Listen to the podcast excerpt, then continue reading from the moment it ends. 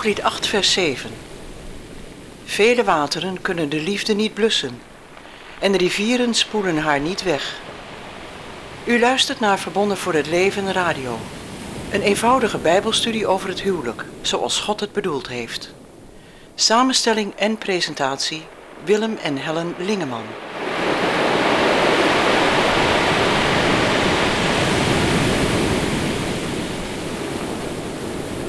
In deze aflevering willen we nadenken over Herstel en heling, maar ook over een ernstige waarschuwing.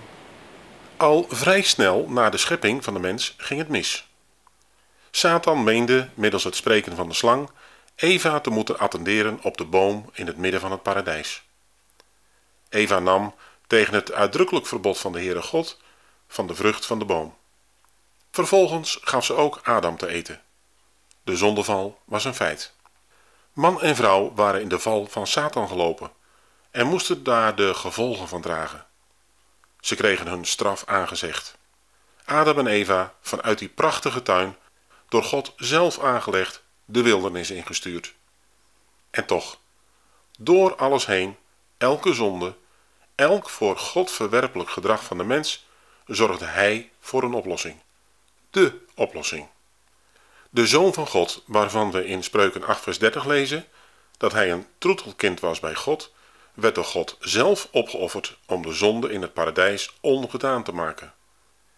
Spreuken 8 vers 30 Toen was ik een troetelkind bij hem. Ik was een en al verrukking, dag aan dag, te allen tijden mij verheugend voor zijn aangezicht.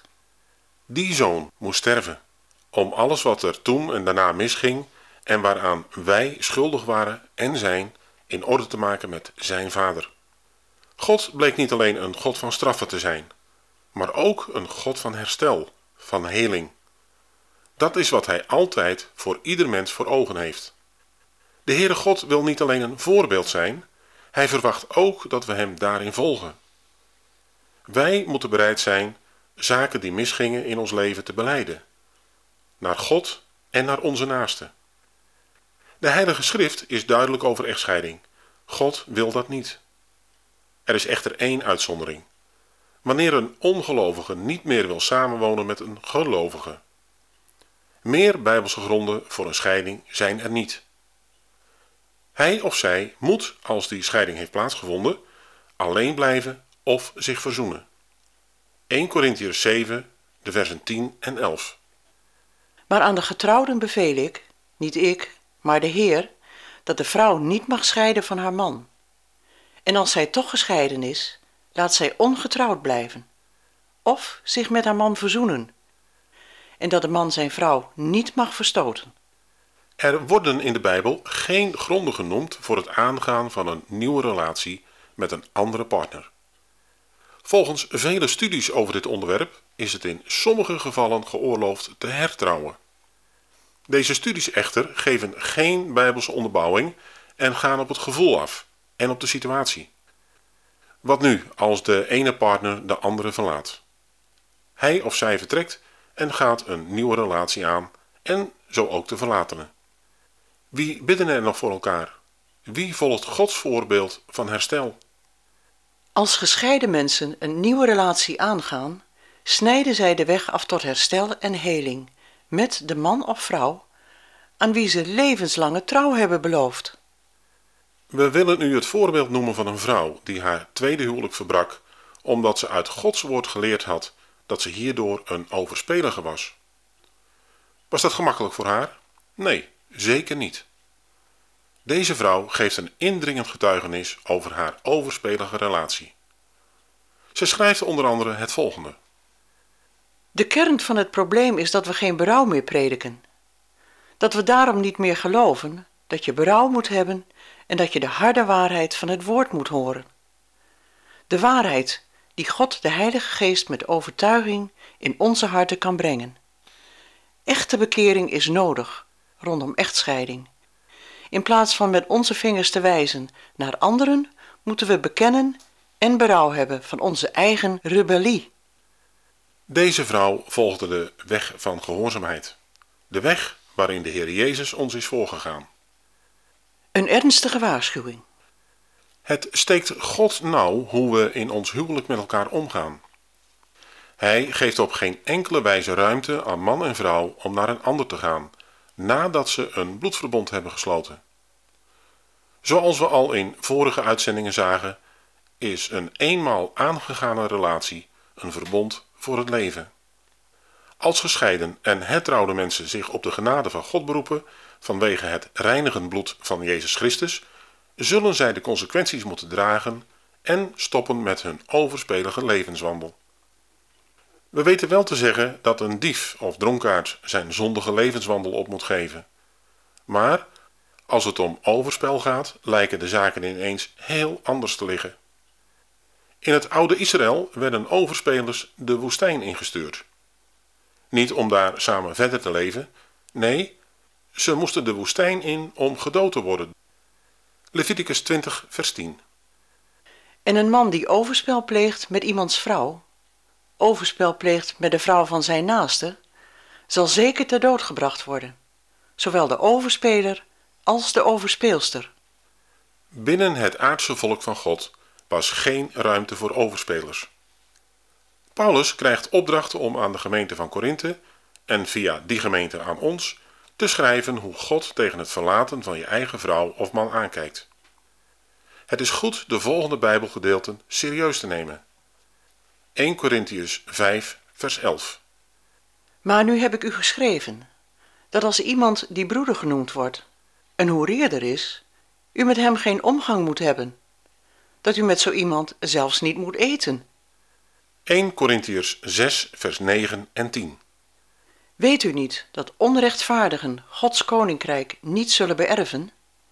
Dwaalt niet, geen hoereerders en overspelers zullen Gods koninkrijk beërven. Zij die in deze zonde blijven en zich niet bekeren, zullen Gods koninkrijk niet beërven.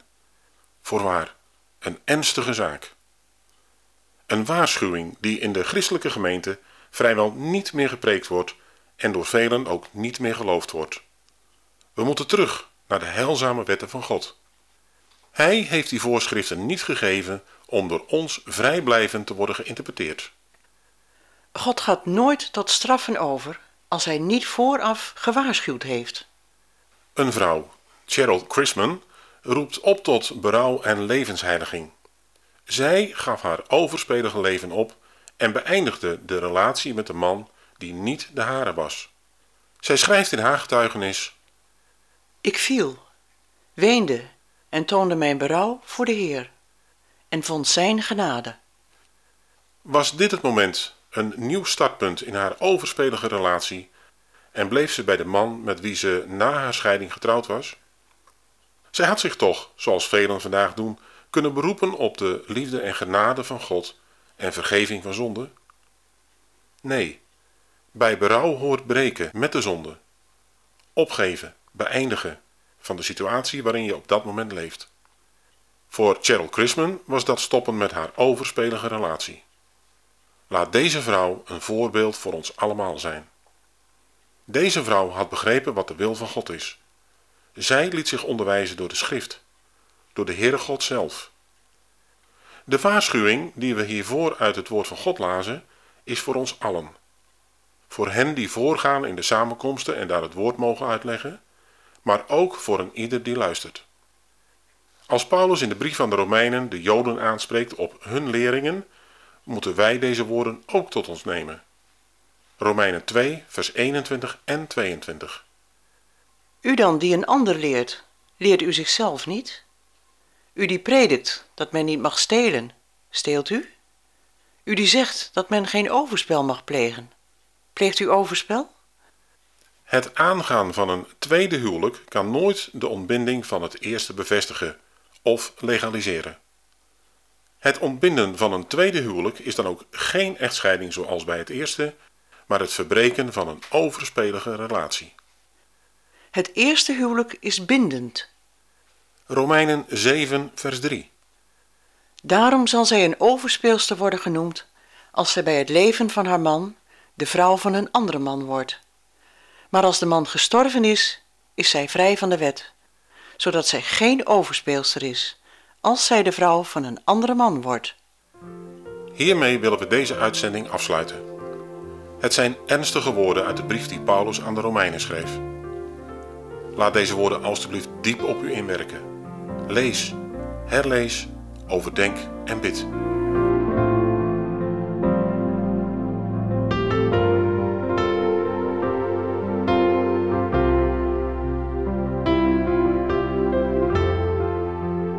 Spreuken 3 vers 3 Dat liefde en trouw u niet verlaten. Bind ze om uw hals, schrijf ze op de tafel van uw hart. U heeft geluisterd naar Verbonden voor het Leven Radio. Samenstelling en presentatie Willem en Helen Lingeman. Heeft u vragen naar aanleiding van deze uitzending? Dan kunt u contact opnemen via het reactieformulier op onze website www.verbondenvoorhetleven.nl of www.unitedforlife.eu. Zo de Heere wil graag tot de volgende keer.